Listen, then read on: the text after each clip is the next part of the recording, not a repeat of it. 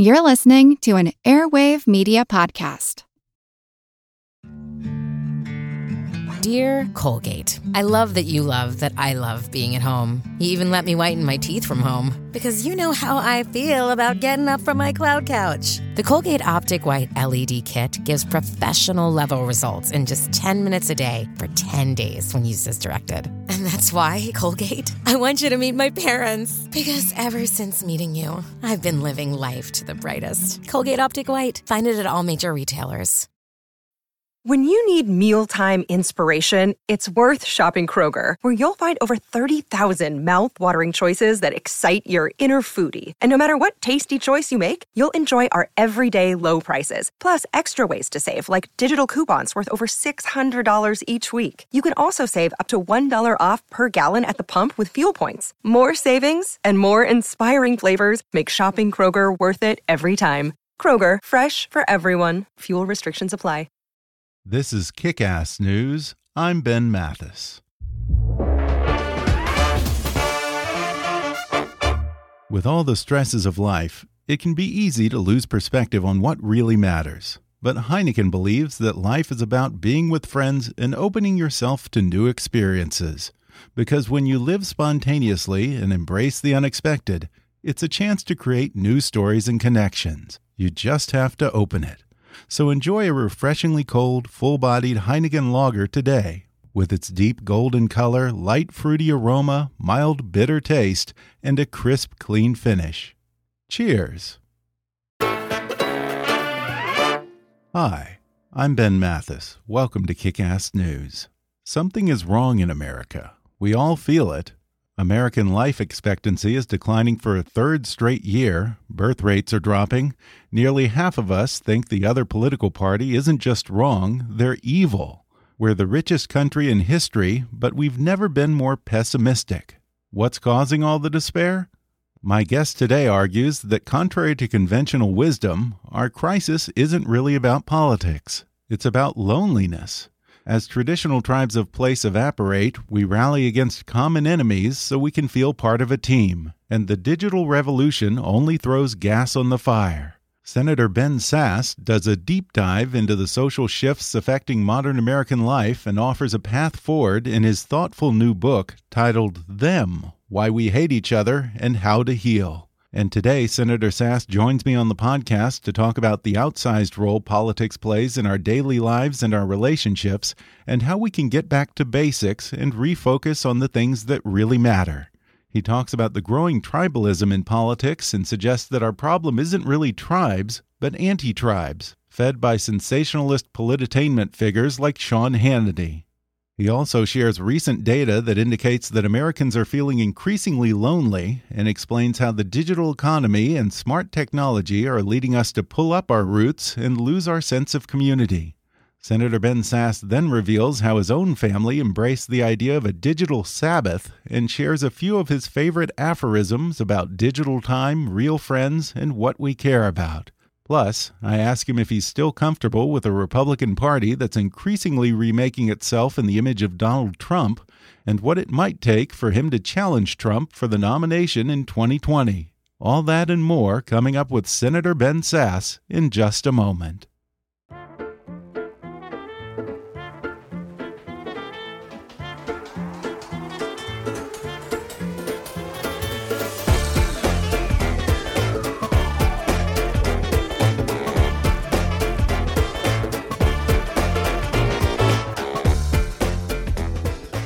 U.S. Senator Ben Sasse is a fifth generation Nebraskan. The son of a football and wrestling coach, he attended public school in Fremont, Nebraska, and spent his summers working soybean and corn fields. He was recruited to wrestle at Harvard before attending Oxford and later earning a PhD in American history from Yale. Prior to the Senate, Sasse spent five years as president of Midland University back in his hometown. As perhaps the only commuting family in the U.S. Senate, Ben and his wife Melissa live in Nebraska, but are homeschooling their three children as they commute weekly back and forth to Washington, D.C. He's written what I think is an important new book titled Them Why We Hate Each Other and How to Heal. Senator Sasse, thanks for coming on the podcast. Ben, thank you for the invite. I'm glad to be here. Well, Senator, I loved your previous book, The Vanishing American Adult, and I've been praising this latest book to anyone who will listen over the past week. And as I was just reading your author bio here on the book jacket, it, it struck me that you barely mentioned being in the U.S. Senate, and I think that says something about where your priorities are.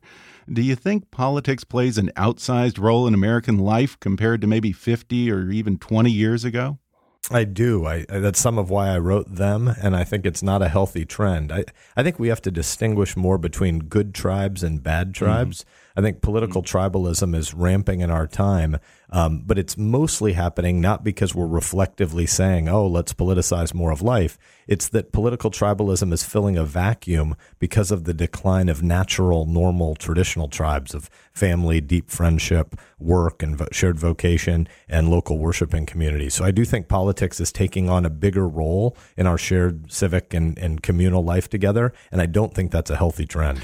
And I was interested that you brought up tribes because there's constant talk of tribes these days and not in a healthy way, but you say that there's nothing innately bad about tribes. The problem is anti tribes. Uh, could you give us a definition of what an anti tribe is? Sure. I think we need to do what you said, which is start with the good tribes first and then figure out why an anti tribe is a perversion of that. Humans are relational beings, we're social animals. Uh, we're we're made to do stuff together. Nouns are really important, but verbs are as well. Hmm. And shared action are those things that we do together. And most people tend to take a lot of satisfaction out of doing something that benefits their neighbor, but doing that with other neighbors as well. And so healthy tribes are tribes like your family, your nuclear family, and then your extended family, your friends, your deepest friendships, people who, not in a transactional way, but just because they love you, feel pain when you're hurting and feel pleasure when you're happy. Um, shared vocation, coworkers that do something together, do big cause stuff together. We're meant to do all of those things. And those are all connected to rootedness. And right now, the moment we're at in technological history, um, is undermining place and undermining that sense of rootedness. There's always a tool. And I want to say I'm, I'm sort of a technophiliac in certain ways. I love lots of new technology, I'm fascinated by it. But your iPhone is always whispering to you that you should flee the place that you're currently at and try to go somewhere else because mm. the place you're at isn't really important enough. And your kids sense that. Um, we parents sense that about our kids. We're all trying to flee the moment and the place we're at. And when you have place undermined like that, we feel lonely. And so we're, we're going to fill those vacuums. And so one of the easiest things to do when you feel empty and lonely and no sense of shared project is to at least be against something with someone else. And so the, the, the sense that my enemy, the enemy of my enemy is my friend that's as old as human nature. But what's new in our time, I think, is that we're doing a lot more anti tribe as substitute for declining tribe. And we're not really aware of how the declining tribes are undermining that sense of shared project and vocation. Mm -hmm.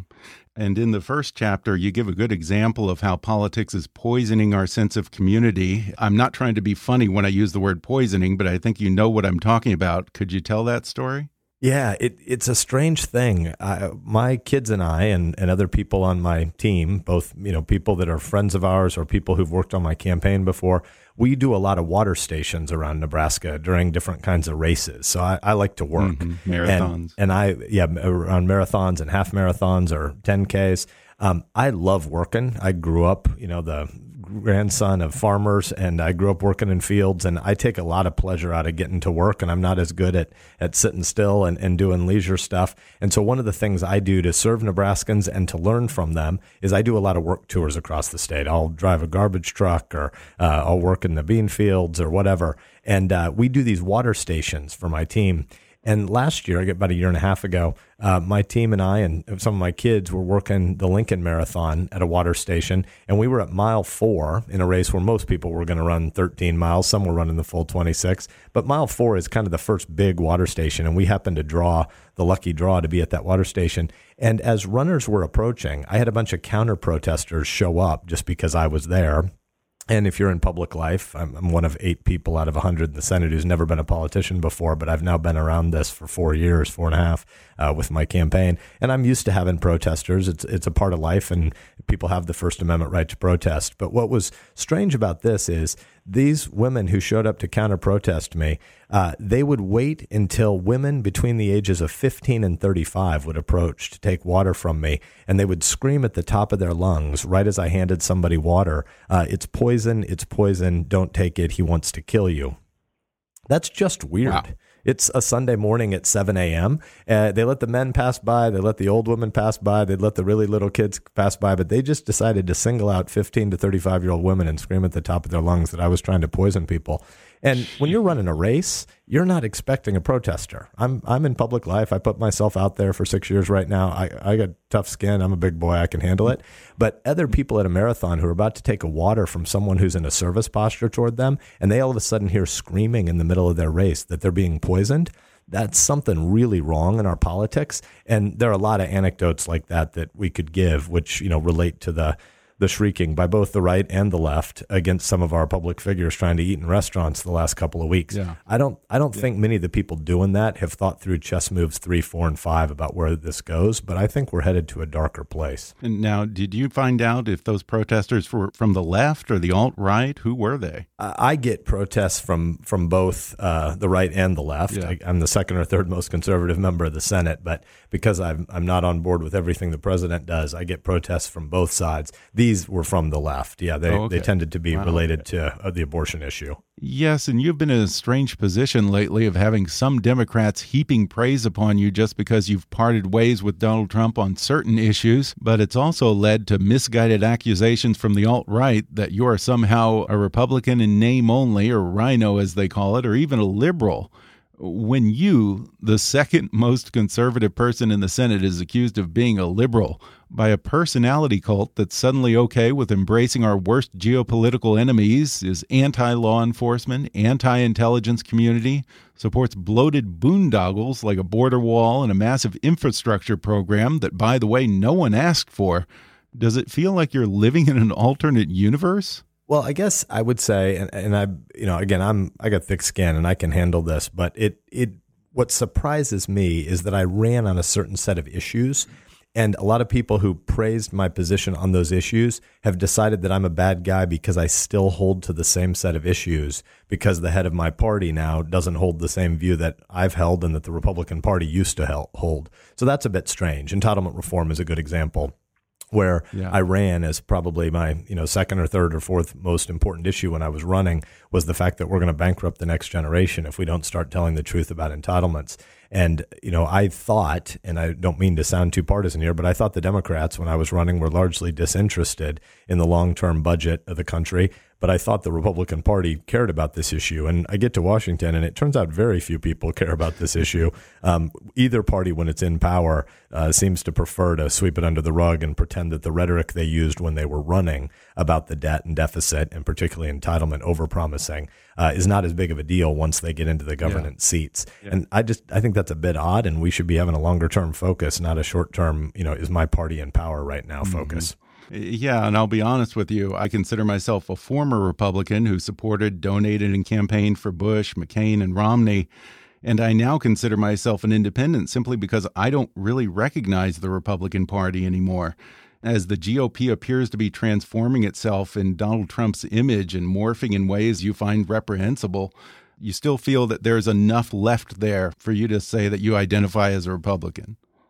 Yeah, at the grassroots level at home, I think a lot of the things that I think of as local grassroots mm-hmm. and grass tops conservatives believe um, is a huge part of what the Republican Party has been and what I hope it will be again in the future. But at a time when the GOP seems to be transforming itself in the image of Donald Trump, can you honestly say that you identify with the party? I, I believe in both small and limited government. Uh, and because I still believe in small government, that makes me a Republican, not a Democrat. Um, but I don't really have a lot of interest in cult of personality politics. Mm-hmm. And I recognize that I'm a, a, bit of a misfit for the particular moment we're at. But I think I care more about the continuum from past to future than from right to left. Mm-hmm. So many of the issues that motivate me when I fly away from home every Sunday night or Monday morning to go to DC for my work week um, are the future of cyber and hybrid war and information operations, the way war is going to be transformed by the digital revolution, um, the job disruption that is going to take us from a world where when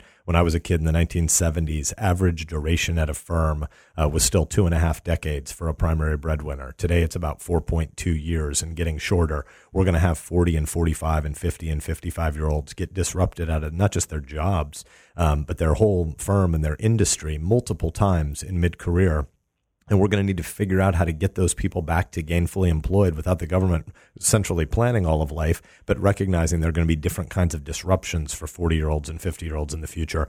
There are lots of issues like that where I really don't think either party, Republican or Democrat, has much of a future focused vision. There's just not a lot of discussion in Washington right now of 10 and 20 years out. Mm. And that's what I think the federal government should be focused on the small number of big things that we need to get done together. But then I'd like to see us trying to persuade 70 and 80 80 and 90% of people to join together around an agenda. But I come at those questions from the center right, not the center left. Uh, therefore, I definitely still conceive of myself as a Republican. But most of what motivates me on a day to day basis is, is future transformation of the old uh, 1960s entitlement chassis of federal spending that needs to be modernized. Uh, yeah, and I want to give you a lot of credit, Senator, because you seem far less concerned with the politics of the moment and the next election than with these much bigger, more complex, and difficult social shifts coming at us from automation, AI, education disparity, and the mobility of the workforce, along with this declining sense of community. In a political climate where easy answers seem to win the day, uh, do you find it challenging to get people interested in these much more complex problems? Yes and no. So I think it's challenging in the sense of day to day news cycles, the way cable news is swallowing an institution like the Senate, which, you know, frankly, the founders built it with six year terms instead of two year populist terms like in the House, so that the Senate could be focused on longer term issues.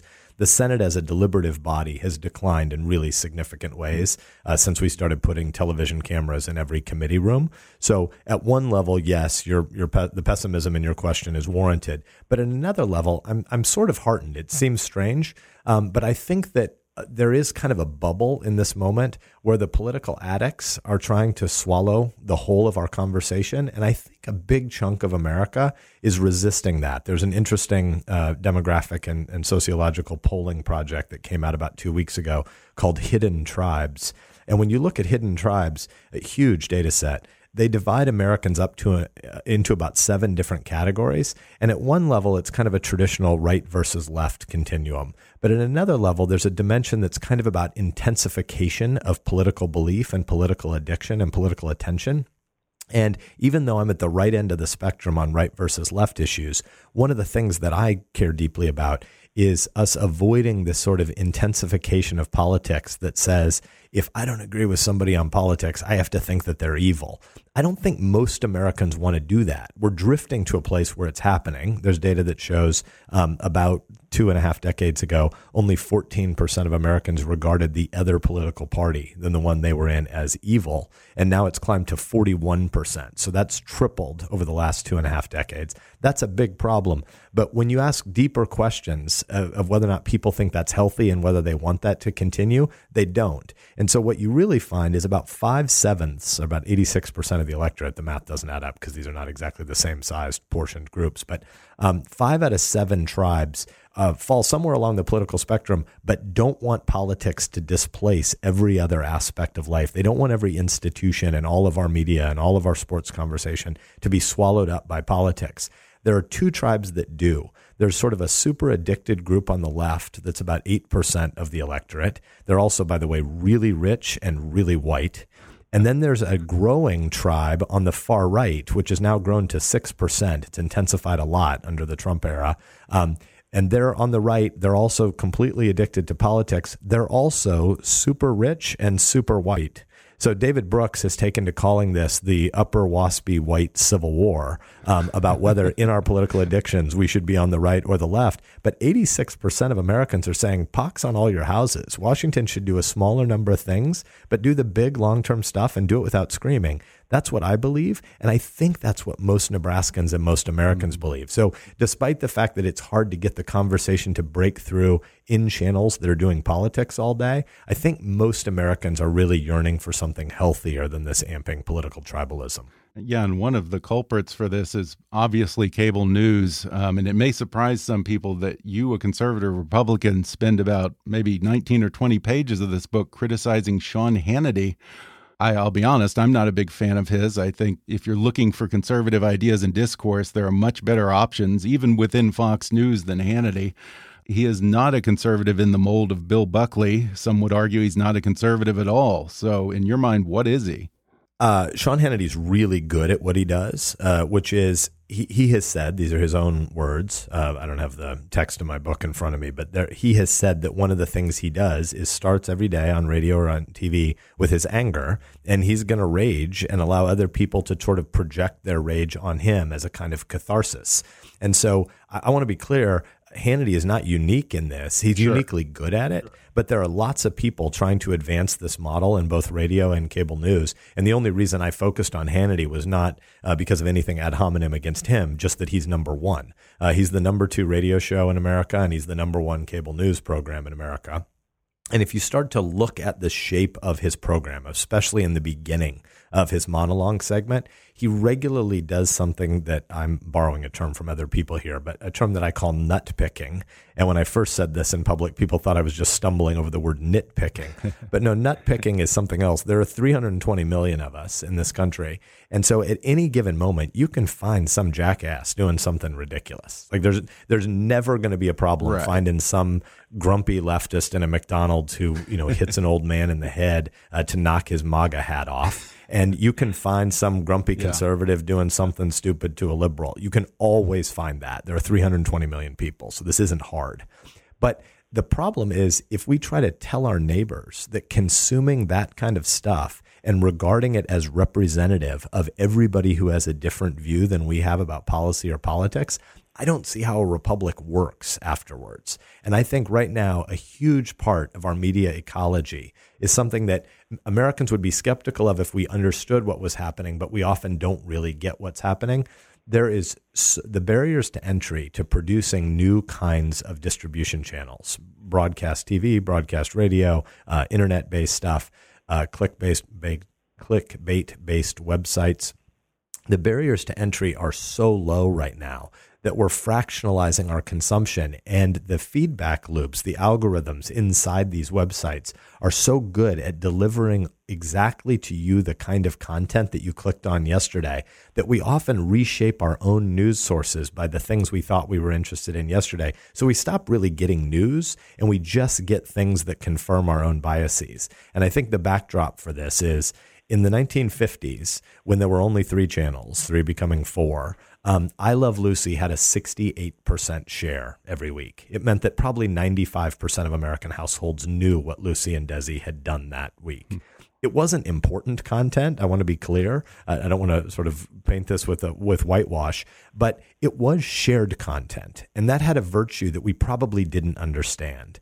Um, when you were having an argument with a coworker, when you were disagreeing with somebody in your neighborhood about picking up after your dog or about politics, you had content that you could go back to that you had in common, which was you all had just consumed I Love Lucy two nights ago. 68% share in the 1950s because you only had three choices. Today, 93% of American households have more than 500 channels at our disposal. So it means we have almost nothing in common. The most watched programming of the last 15 years is Sunday Night Football for three weeks in 2014, hit a 14% share. But in general, we're dealing with a whole hundred different groups of people consuming less than one percent each of whatever we're consuming. So Hannity is the most watched cable news program, but it's still only 3.2 million viewers uh, on a given night, which is one percent of the public. Rachel Maddow on the other end of the spectrum is second most viewed at nine tenths of one percent of the public what inevitably starts to happen is you don't have to try to pretend you're being honest to somebody who has a different view of a policy or a legislative issue than you do. You can just sort of paint them with a broad brush as them, as those evil bad guys, and your your anti-tribalism can become a way to have a sense of shared community, again filling in the vacuum of the fact that we have so much declining community in our actual neighborhoods. Yeah, and ironically, the biggest shared experience we have these days, like you said, Monday night football, even that's been politicized. So yeah, it's it's a strange thing, isn't it? I mean, one of the beautiful things about sports, and I, I grew up in a house where sports was the second most important religion in our lives. Uh, my dad, I mean, a I'm a right. Nebraskan, so we're the winningest college football team of the last 50 years, despite some setbacks of late. But um, my dad was a football and wrestling coach, and one of the things that sports does is it takes people who might have lots of differences. Uh, Remember the Titans is one of my kids' favorite movies. Um, and Coach Boone, played by the Denzel Washington character, they've got big racial divides at that high school in Alexandria during busing. And yet, kids from different backgrounds came together because they were pulling on oars in the same direction. Sports are supposed to be one of the great unifiers because it gives us a common project. And right now, when I travel Nebraska, it is a strange thing to be a U.S. Senator and get complaints from people about ESPN programming. But it's actually a really common experience for me where people will just start complaining about what they think is wrong in American life and fighting about uh, the kneeling in the NFL is an issue that people just wish ESPN would cover less. Yeah. They care about the issue, but they'd rather have us just not talk about it so much and instead talk about football. We're going to take a quick break, and then I'll be back with more with Senator Ben Sasse when we come back in just a minute.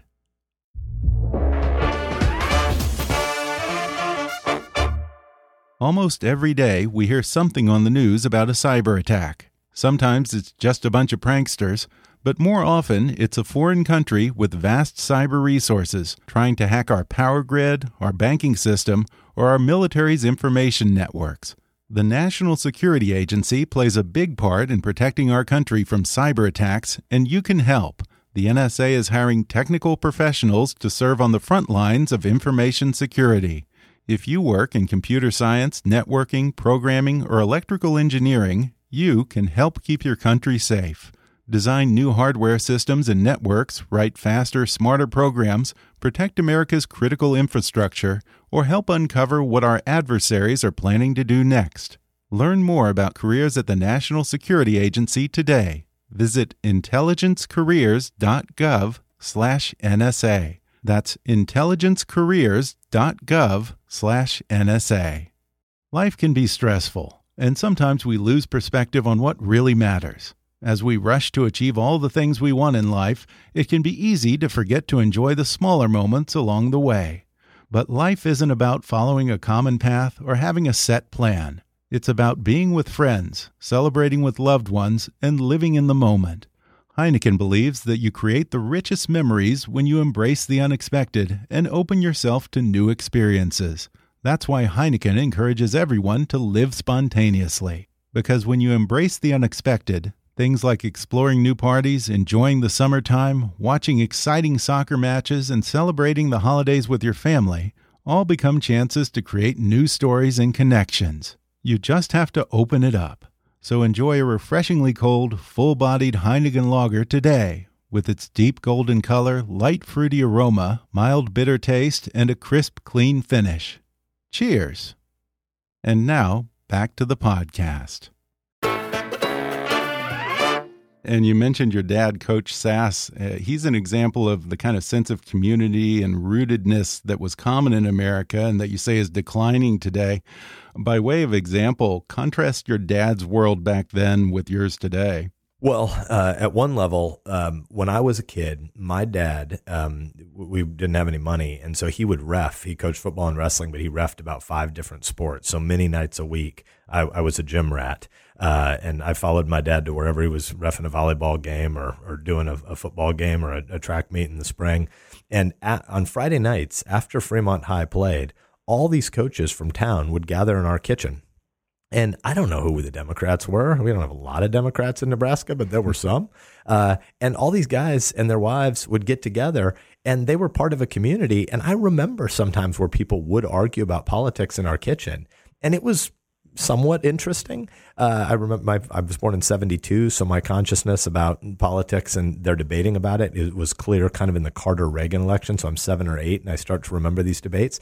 But there wasn't any sense that you would possibly fractionalize your relationships because somebody who was a, on the coaching staff with you had a different presidential candidate than you did increasingly now we are siloing and segregating ourselves along political dimensions. I'll give you I'll give you another example. Um, if you give the average American a choice between more square footage in their house and bigger lot sizes, or more proximity to restaurants and more walkability to their neighbors, and before I tell you the answer about how partisans break on this, I just want to say I like all those things. Uh, there are reasons why you want square footage in your house and you want a sure. big lot to play with your kids, and I want walkability in the neighborhood and I want proximity to restaurants. This is not a good versus evil thing. This is a preferences thing.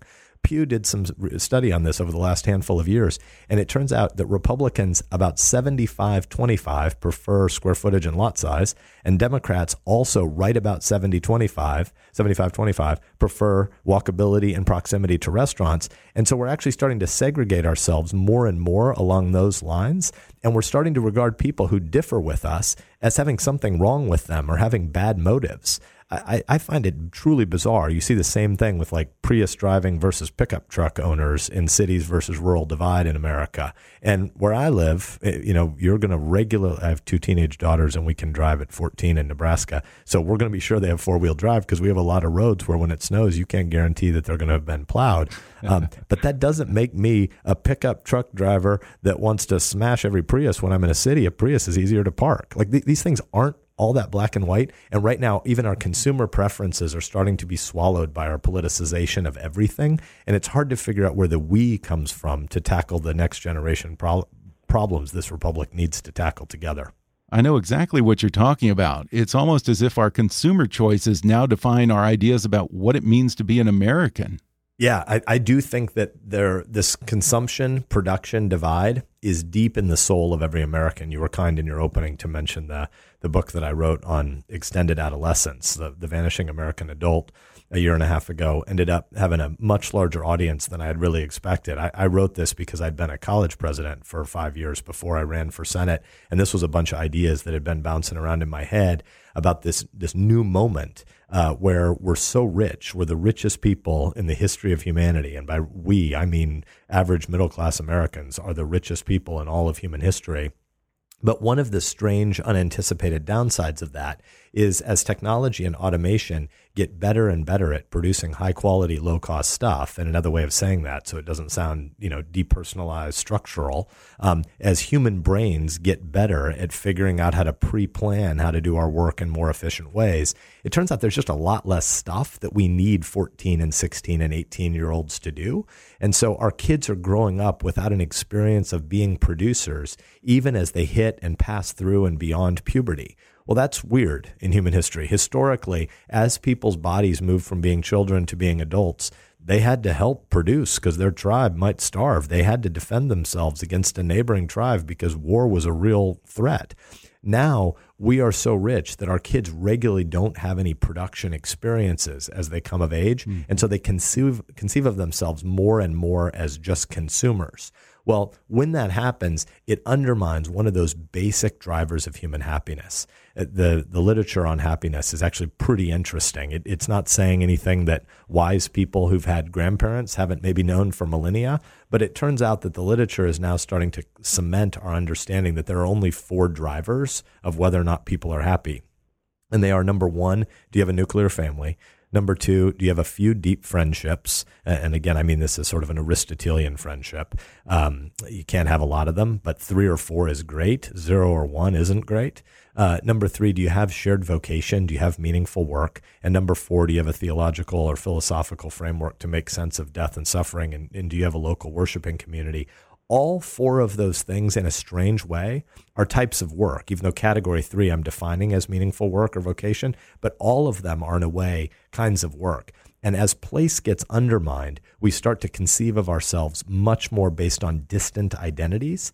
And really, when the technology allows you to flee your place, place. When the iPhone says to you, hey, you can be rootless, you can go anywhere, anytime in your head, what really happens is we expand the denominator of potential dissatisfaction in our lives. When you have the ability to take in a lot more news, we tend not to focus on the fact that global life expectancy has been arcing toward the skies for the last 200 years, but we're aware of things like one kidnapping that happened in one place far away. So even though kidnappings in the US are basically at an all time low, we've had data on this kind of stuff for about 50 years, and it's at an all time low. Parents have more anxiety about it now than at any previous point because of the way we just consume the bad negative experiences over and over in ways where we are passive to do much about it because it's some problem that originated elsewhere when what we really need to be doing is rebuild the neighborhood where we're actually called to live and love. Now, we've been dancing around what I think you say is at the root of many of our current woes, which is simply loneliness. A lot of these problems, from the opioid epidemic and depression to political division and anger, are simply symptoms of something that might seem fairly simple. Americans are just plain lonely. Are there studies to support this, and why are we so lonely? There is. So we are going to enter, probably by this December, uh, the third consecutive year of declining life expectancy in the U.S. That is stunning yeah. and shocking. Um, we've had decent data on life expectancy for about a century, so we can't go back to the Civil War. We probably had three years of declining life expectancy then as well. But this will be the first time we've had three straight years of declining life expectancy, and most of the drivers of it are deaths of despair. So, o- opioid addictions, uh, overdoses in general, uh, suicide. We have a whole bunch of drivers of shortening life, and particularly among people um, who've been in communities that in the past were socioeconomically middle class or above, so didn't have some of the same public health challenges you would have seen. So, what what's happening here? So, I've I've been reading and uh, talking to a lot of researchers at the National Institutes of Health and it is amazing how fast the sea change has come. 10 years ago, almost everybody at NIH would have agreed that the number one health crisis in the US was obesity. Uh, the number one driver of health expenditures was clearly obesity. What's new now is in the last three to five years, there's sort of an emerging consensus that obesity is mostly a downstream effect of loneliness. About 70% of obesity is defined at being more than 30 pounds overweight. Um, obesity is mostly a downstream effect of loneliness. It isn't the case that you get fat and then you lose friends. It's that you have fewer communal connections and then you start to gain weight. That is astounding. Is it a matter of Americans having fewer relationships than we used to have, or just that relationships that we do have tend to be surface level friendships as opposed to deep, reliable, lifelong confidants? Yeah, what, what we're finding now um, is a massive increase in the number of people who have no confidants at all. So there's we've cut in half the number of friendships the average American has over the last 27 years. In 1990, when I graduated high school, uh, the average American had 3.2 deep friendships. Today, the average American has 1.8 deep friendships, so half as many. 43% of Americans have either only one confidant or no one at all that they talk to about anything important.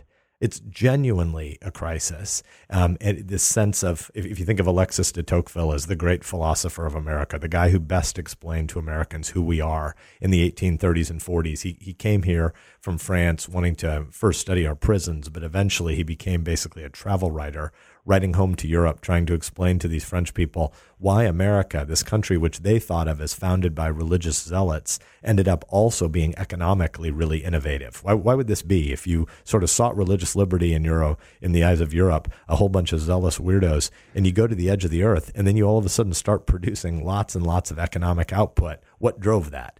Tocqueville wanted to write about it and understand it. And he realized that there was a European theory of a kind of continuum that went from isolated individuals, a bunch of lonely people who don't have a lot of relationships at one end of the spectrum, to at the other end of the spectrum, they thought about a lot of thick community run by the state. So, sort of a totalitarian system of the world.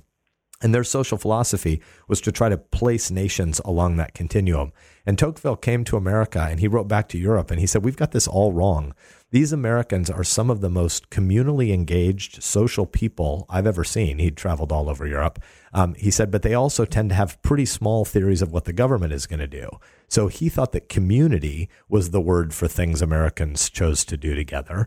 Um, and he thought that Americans had a lot of dense, shared um, psychic satisfaction from these group projects. But his model of what that looked like was the Rotary Club or the Kiwanis Club or the New England Town Meeting. It's not relying on someone far away to pass a rule that's compulsory on you to do something. It's about we, the people, coming together and doing some big venture philanthropy project. And right now, what's clearly happening in America is a collapse of that kind of institutional engagement in the neighborhood Robert Putnam is is one of the inspirations for this book, and I want to say up front, uh, since I'm coming from the right side of the political spectrum, and Professor Putnam is a genius. Uh, political scientist and sociologist at Harvard, and he comes from the left side of the political spectrum. I know that he would disagree with a number of things in this book, but at the level of the underlying data, Many of your listeners might know of Putnam because of his famous book, Bowling Alone, uh, almost 20 years ago now, where he discovered that the average Amer- more Americans were bowling uh, 20 years ago than at any point in U.S. history. And yet, bowling leagues had their lowest membership ever. And so he coined this phrase, bowling alone, which is sort of weird. If you're not a big bowler, as, as we're not at our house, um, it seems like the only reason you would bowl is to drink beer and hang out with friends. Like the bowling itself is just a means to facilitate your friendships. Sure. But there were more and more people bowling alone. And he went sector after sector, institution after institution, avocation after avocation. And he found Americans were highly active but no longer nearly as associational as we used to be. In the 20 years since then, if you try to update Putnam for today, the main thing that's happened is the introduction of the iPhone in 2007 and higher download speeds in 2007, 8, 9. And so what's happening now is when my mother in law annoys me, um, I can flee the conversation with her by going to Wrigley under the table on my phone and hide it from her. And at one level, I love it, right? I, I'm annoyed by this conversation and I want to check the scores of the Cubs. But at another level, this is the wrong move because I love her. She loves me. And by the way, I need her because my kids need her. She's an important part of their architecture of life. And I need to build the relationship with her, even when it's annoying, and let that scar tissue become the foundation of future relationship. I need to not flee that moment. And right now, technology is almost always allowing us to f- flee the hard work of building the relationships that we're going to need as we age. To your point, I know that in your role on the Senate Armed Services Committee, and prior to that as an advisor to the Department of Homeland Security, you've spent a lot of time reading intelligence documents in what they call secure compartment information facilities, or SCIFs, where you can't bring in your phone or anything with a battery. You say you find those times in SCIFs very liberating, so much so that it led your family to decide to institute a digital Sabbath on Sundays. You bet. So, first of all, in in my day job, I care a lot about cyber. I think deep fakes are going to present a huge challenge yeah. for us. And so, uh, so much of the Senate is just theatrics of people trying to perform in these five minute sound bites uh, for the cameras. And in the intelligence community, because the information is all classified, people can't act that way. And so you take away the cameras, and it turns out a lot of senators start to act like grown ups. And so I, I really enjoy the briefings I get on intel and cyber issues. It took a little while to detox, to get used to not checking my phone constantly because you can't take them in there. Uh, you have to lock your phones up yeah. in, a, in a locker before you enter the room where I get these briefings. But the average American is checking our phones every 4.3 minutes from the moment we wake up over the course of the day. And when you're in the SCIF for a couple of hours, you end up unwinding and actually start being able to have long talk, long conversation, and long thoughts in ways that my phone often distracts me from doing. And so at our house, we've tried to use that model uh, for ways to unplug. And there, there's a guy named Andy Crouch, uh, an evangelical guy who's kind of leads a bit of a movement of people who are becoming what he jokingly calls almost almost Amish. Uh, these are people that don't have any theological skepticism of technology. They just think behaviorally their technologies are too addictive. And so he, Andy Crouch says um, lots of technology in his work life, but they want less and less technology disrupt, disrupting their familial and their social life. And so he has the phrase one hour a day one day a week and one week a year, they try to unplug entirely. Wow. The dinner table wow. is the one hour a day. And it turns out there is just a collapse of family dinner in America. Statistically, the nuclear family is in absolute free fall. There's a whole bunch of stuff going on in the bottom 70% of America socioeconomically where a huge share of kids just don't know their dad anymore because of family breakdown. Um, but a lot of this is exacerbated across the socioeconomic income ladder by the fam- breakdown of family dinner. And Sherry Turkle, a professor at MIT, has done some fascinating work that even if your phone is face down at the dinner table and you never check it, it actually undermines your kid's sense that the parents are stable figures and want to spend time with your kids. It's a way of saying, yeah, I'm here at the dinner table with you, but the really important thing might be when my phone vibrates or calls, because then somebody I actually care about or need to listen to um, will be able to attract my attention. And your kids need to know that they're needed. And so the dinner table matters a lot. We do the one day a week thing as well, which is on Sundays, we, our, our kids um, are 17, 14, and 7 girl, girl, big gap, boy.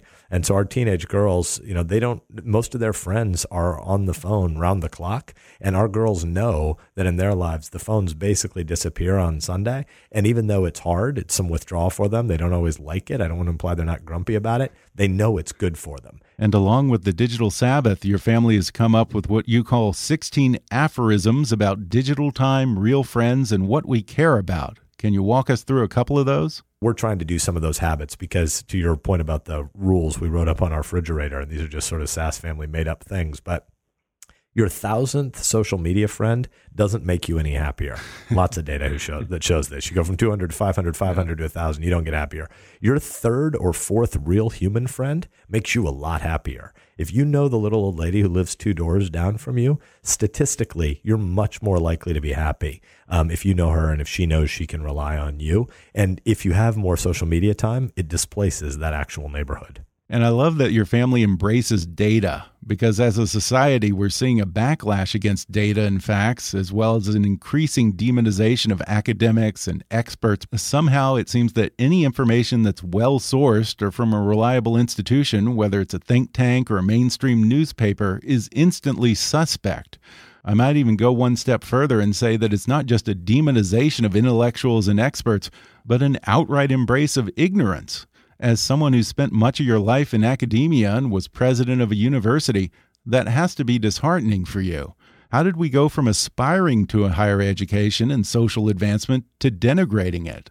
Yeah, so let's maybe um, I'm gonna I'm gonna agree with you, but I'm gonna get there on the second step. So step one, I do want to say that I think one of the things that the flattening of the world here, borrowing from like Tom Friedman, uh, one of the things technology does is shorten time and space for us one of the benefits of it is it allows more people to call um, BS for both good and bad reasons on a lot of the guardrails that prohibit people from getting into conversations if they don't have the right credentials. Mm-hmm. So I think a huge part of the hyper specialization of the American economy and of American intellectual life is partly building up barriers to entry for smart lay people uh, to be able to learn their way into conversations. So the flattening of some of that world, I think, is a virtue.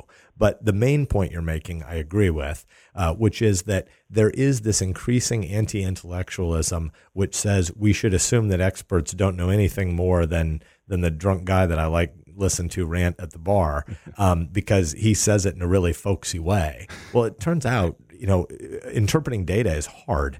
And I, I, think everybody can do it. I don't think you need advanced degrees to do it, but you do need to understand something about the rules that enable us to do it. And right now, one of the key drivers of the anti intellectualism of our moment, I think, is just a radical impatience mm-hmm. with an assumption that we can't know everything in the next seven seconds because that's about how long our attention span is. It's not healthy. Um, Cal Newport has written a really great book called Deep Work um, and he argues he's a computer scientist at Georgetown, and in his you know work life, he, he does distributed systems and all the stuff that you know. Even though I'm a little bit math nerdy and interested, uh, a math layman like me can't even understand most of the stuff that he does in his computer science life.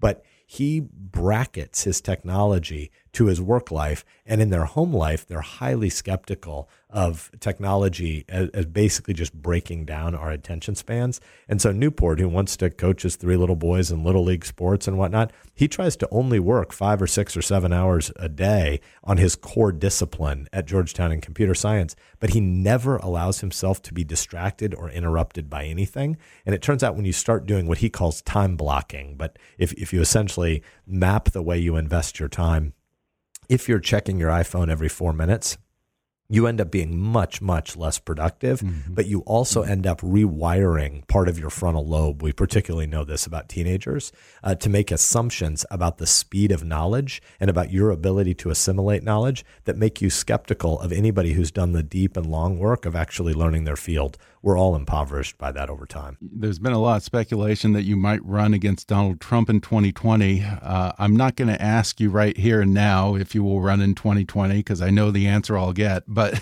let me word it to you this way What would it take for you to run in 2020? I have three little kids, and uh, I'm pretty darn happy with my day calling being a dad. And I think the the job of the presidency is incredibly difficult. I did some work in the intelligence space uh, for George W. Bush. Most of my life is Right. private sector background, but I got to work uh, for President Bush 43 for a little while, and I've I've seen that job up close, and it is brutal. And I don't think it really fits people uh, that have little kids. So I, I think I'm just a misfit for the for the moment we're at. But um, I'm getting to talk to you today from Fremont, Nebraska, and the Noxious Weed Control Board of my county has an opening, and I think they might be calling my name. Well, from reading your book, I kind of believe you, I'll tell you. Before we go, I was interested to learn that you deliberately chose to sit in the desk of the late Senator Daniel Patrick Moynihan. Doesn't get more liberal than him. What was the significance of that? Yeah, two things. Uh, number one, Moynihan is the actual author of the quote. Um, you're entitled to your own opinion, but you're not entitled to your own facts. Uh, many people have had that quote attributed to them, but Moynihan's the actual guy who spoke it. Um, and I think we're headed into a moment where we're acting more and more like we won't have shared facts or we don't have a moral obligation to have shared facts. We can just listen to people in our tribe and assume that the way they disparage other people is, is sufficient for actually having not engaged them. Um, I think that's a crisis in a republic. We have to have shared facts. So that's one of my two motives. The second is that Moynihan, uh, despite being a, a political liberal when I'm a political conservative, he did believe and uncover tons of data um, about the the centrality of the nuclear family structure to whether or not our kids succeed. And you know, when you're second or third most conservative guy uh, in the Senate, people would assume that must mean you only care about tax cuts for rich people. You don't care about the poor. Actually, the poor are one of the main reasons why I want to do this job uh, because I think that the family structure um, is being undermined by technology and all sorts of long form work. But I also think the government's ways of trying to help over the last four or five decades has fostered a kind of dependency that made dads less and less relevant. And what we really need to do is start rethinking the entitlement programs of the 1960s to enable those families that are disrupted at age 35 or 40 or 45 uh, to have parents become the breadwinners again, to be able to put bread on the table for their own kids, but also to model the sense that that productive livelihood in the nuclear family unit is the best way for our kids to come of age and start to understand themselves as co-creators and as people who were made uh, to love their neighbor and live a life of gratitude by trying to to produce in their local community and be a part of that distribution of labor in ways that actually drives lots of human satisfaction. Moynihan was a, a great thinker on this question in the 1960s and 70s, and so he influenced me. So despite his his partisanship being at the opposite end of the spectrum from mine, um, I think he was a special guy who took the calling of being a senator in ways that recognized, uh, again, despite the fact that he would have been for a lot more government intervention in the economy than I am for, um, he took the calling seriously in a way that recognized that government maintains a framework for ordered liberty, but government can't define the good for people. Government can't actually achieve the final ends. What government should be doing is creating an environment where those little local communities and local platoons of love can flourish because the places people are actually going to be made happy are in their neighborhoods. And government should create a framework that enables that to happen for more of our folks. Have you written your name in the desk yet? I can't remember. I don't know. I haven't. I I, I remember when they showed us. So your desks when you move into the Senate, since most of our time is actually spent back in our offices meeting with constituents, not sitting on the Senate floor. Sure. Um, they fill your desk with a whole bunch of stuff, Robert's rules and Senate procedure, and yesterday's you know daily record of what was spoken on the floor. And so I guess they cleaned it out to show me Moynihan's name in the bottom. But I think we must not Oh, get to put our name in it until probably the end of your first term. So I haven't done that yet. But I've got a seven year old boy who's really good at doing graffiti in the driveway, so I'll have to get some lessons. Well, I wish you the very best of luck, Senator Sasse. We need more like you in the Senate, and I really, really enjoyed the book. I highly recommend it. It's called Them Why We Hate Each Other and How to Heal. Senator Ben Sasse, thanks so much for talking with me. Ben, thanks for having me on the show. I enjoyed it. Thanks again to Senator Ben Sasse for coming on the podcast. Order his new book, Them Why We Hate Each Other and How to Heal, on Amazon, Audible, or wherever books are sold. And follow him on Twitter at, at Sen Sasse. That's S E N S A S S E. When you need energy on the go and don't have time to wait in line, grab Espresso Monster. Espresso Monster is a premium blend of espresso and cream made with freshly brewed espresso coffee, hormone free milk, and a unique energy blend complete with taurine and B vitamins. Each can has three shots of espresso and comes in vanilla espresso or espresso and cream flavors. Close your eyes, take a sip, and enjoy Espresso Monster today. If you haven't already, be sure to subscribe to Kickass News on iTunes and leave us a review. You can follow us on Facebook or on Twitter at, at KickassNewsPod. And as always, I welcome your comments, questions, and ideas at comments at kickassnews.com. I'm Ben Mathis, and thanks for listening to Kickass News.